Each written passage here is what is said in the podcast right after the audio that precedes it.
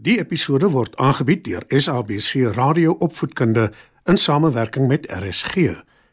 SABC Opvoedkunde, Enriching Minds, Enriching Lives. Opskud. Skryf nader en kom luister en leer saam.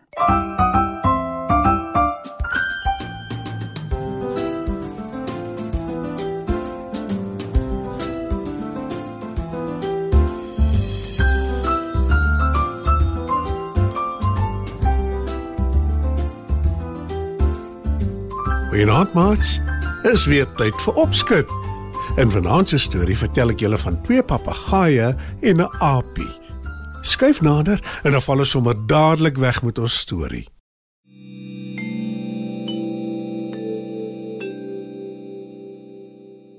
Eenmaal, lank, lank gelede, in 'n land ver hier vandaan, was daar twee papegaaie wat in 'n digte woud gebly het. Die papegaaie is broers en hulle is baie erg oor mekaar. Dis hoekom hulle alles saam doen. Die een se naam is Samuel en die ander een Isak. Die twee broers is pragtige, veelkleurige voëls wat lief is vir die lewe en ook vir die woud waar hulle bly. Daarom sing hulle elke dag vrolik. Maar toe op 'n dag verander hulle gelukkige lewens heeltemal. 'n Jagter besoek die bos en hy sien twee papegaaie. En dadelik besluit hy, Dit is so waar twee pragtige voëls. Kyk net hoe mooi helder kleure. Hulle is baie spesiaal. Ek moet hulle vang en vir die koning vat. die koning van wie die jagter praat, regeer 'n koninkryk naby die woud. Die mense is lief vir hom want hy is regverdig en gaaf. Almal in die koninkryk weet hoe lief hy vir mooi dinge is en dit is hoekom die jagter vir hom die papegaaie wil vat. Hy spanne net om hulle in te vang en kruip agter 'n groot boom weg. En sommer gou het hy die twee papegaaie in die net gevang. Hy sit die voëls in 'n kou en toe gaan die jagter na die koning se paleis toe. Daar aangekom, vra hy die koning se wagte of hy self die papegaaie vir die koning kan gee. Die wagte sien hoe pragtig veelkleurig die voëls is. Hulle weet die koning gaan van die papegaaie hou en hulle stem in. Ek het dadelik aan u gedink toe ek die twee voëls sien, u majesteit. Dis hoekom ek hulle gevang het en vir u gebring het. Sê die jagter toe hy met die kou voor die koning staan. Die papegaaie is regtig besonder mooi. Sê die koning en hy beveel sy wagte om vir die jagter 'n 100 goue muntstukke te gee. Die jagter bedank die koning en vertrek. Sit dadelik die twee papegaaie in 'n goue kou. Beveel die koning sy wagte en hy voeg by: Ek sal nooit moeg word om na hulle te kyk nie. Die twee papegaaie word goed behandel. Hulle kry net die beste kos om te eet. Heerlike sappige vrugte en soveel sade as wat hulle wil hê. Samuel is gelukkig met hulle nuwe tuiste. Hy sê vir sy broer: Ha, nou hoef ons ons nooit weer om kos te bekommer nie. Is dit nie wonderlik nie? Maar Isak voel nie dieselfde nie. En hy antwoord: Ek soek veel eerder my eie kos en vlieg vry rond in die lug as om in 'n goue kou te sit en gevoer te word. Maar na 'n ruk word die papegaaie toegelaat om uit die kou te klim en in die paleis rond te vlieg. Maar die venster word toegehou sodat hulle nie kan wegvlieg nie. Isak is nou baie gelukkiger en hy sê vir sy broer: Ek hou al hoe meer daarvan om hier in die koning se paleis te bly. Ek mis glad nie eers meer die woud nie. Die papegaaie word so goed behandel dat hulle al hoe meer bederf raak. Hulle is nou kieskeurig oor watter vrugte hulle eet. Die koning se wagte raak soms vies vir hulle, maar hulle durf niks sê nie want hulle weet hoe erg die koning oor die twee is. Maar toe op 'n dag verander alles. Die jagter daag weer by die kasteel op en hy het weer 'n geskenk vir die koning. 'n Aapie. Toe ek die apies sien het ek weer dadelik aan u gedink, u majesteit. Hy is baie oulik en kan allerlei toertjies doen. sê die jagter en hy haal die tou wat om die aapie se nek gebind is af. U hoef ook nie bekommerd te wees dat hy sal wegloop nie.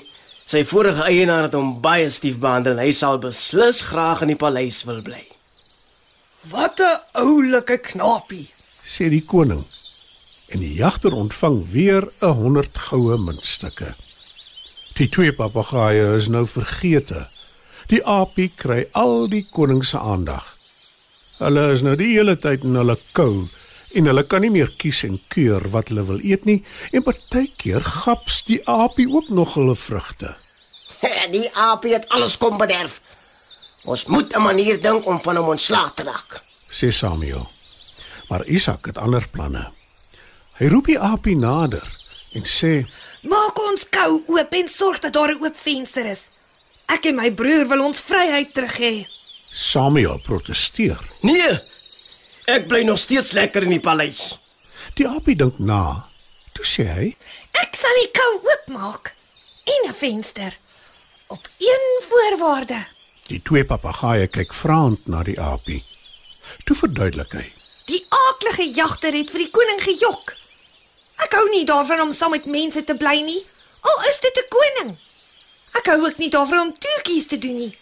Ek wil veel eerder teruggaan na die woud toe en vry wees. Ek wil in die bome klim en na die takke swaai. En nou gee jy my die moed om dit te doen. Ek het 'n plan.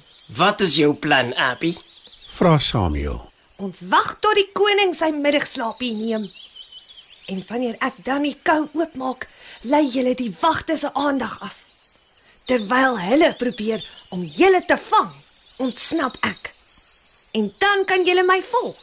Sal jy vinnig genoeg kan weghardloop? Vra Samuel bekommerd. Julle twee gaan elkeen een van my arms gryp en met my wegvlieg. Sê die aapie. Ek weet nie of ons dit sal regkry nie. Sê Samuel bekommerd. Natuurlik sal ons. Ons en die aapie wil vry wees. Ons wil teruggaan na die woud toe. Dis ons regte huis. Die drie wag totdat die koning gaan slaap en toe stel hulle die plan in werking. Die wagte probeer hulle bes om die papegaaie en die aapie te keer, maar te vergeefs. Sommer gou is hulle terug in die woud waar hulle hoort. Die wagte is baie bang om vir die koning te vertel wat gebeur het. Maar toe hy hoor van die aapie en die papegaaie se slim plan, glimlag die koning. Want hy weet, diere en voëls hoort nie regtig in hokke nie. En die volgende keer toe die jagter by die paleis aankom, word hy verbied om in te gaan. En hy word beveel om nooit weer diere te vang nie.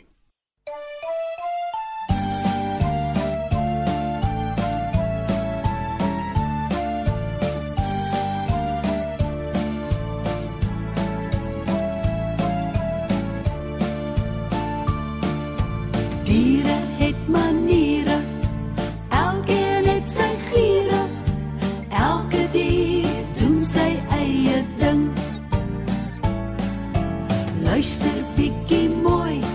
Ek gaan jou nou vertel. Diere het maniere net soos ek en jy. 'n Slang en 'n beer. Hulle slaap die hele winter deur en die somer soek hul kos. Dan moet jy op